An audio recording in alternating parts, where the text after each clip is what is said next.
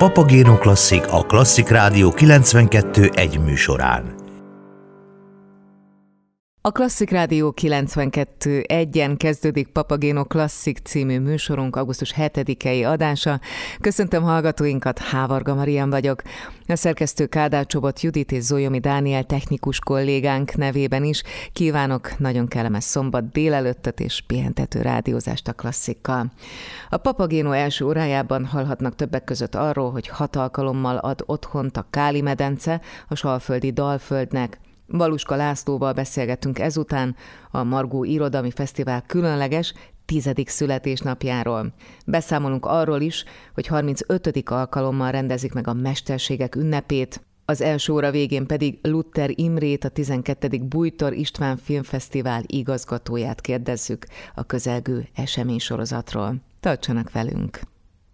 Immáron hatodik alkalommal ad otthont a Káli medence a Balaton felvidék legbájosabb fesztiváljának, a Salföldi Dalföldnek.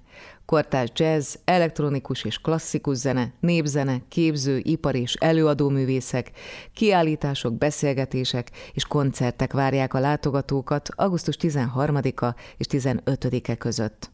A 2014 óta évente megrendezett háromnapos fesztivál küldetése, hogy a balatoni nyár zajától eltávolodva koncertekkel, színházi előadásokkal, kiállításokkal és más kulturális programokkal szólítsa meg a Balaton felvidék varázsát megélni vágyókat és a magas kultúra iránt érdeklődőket.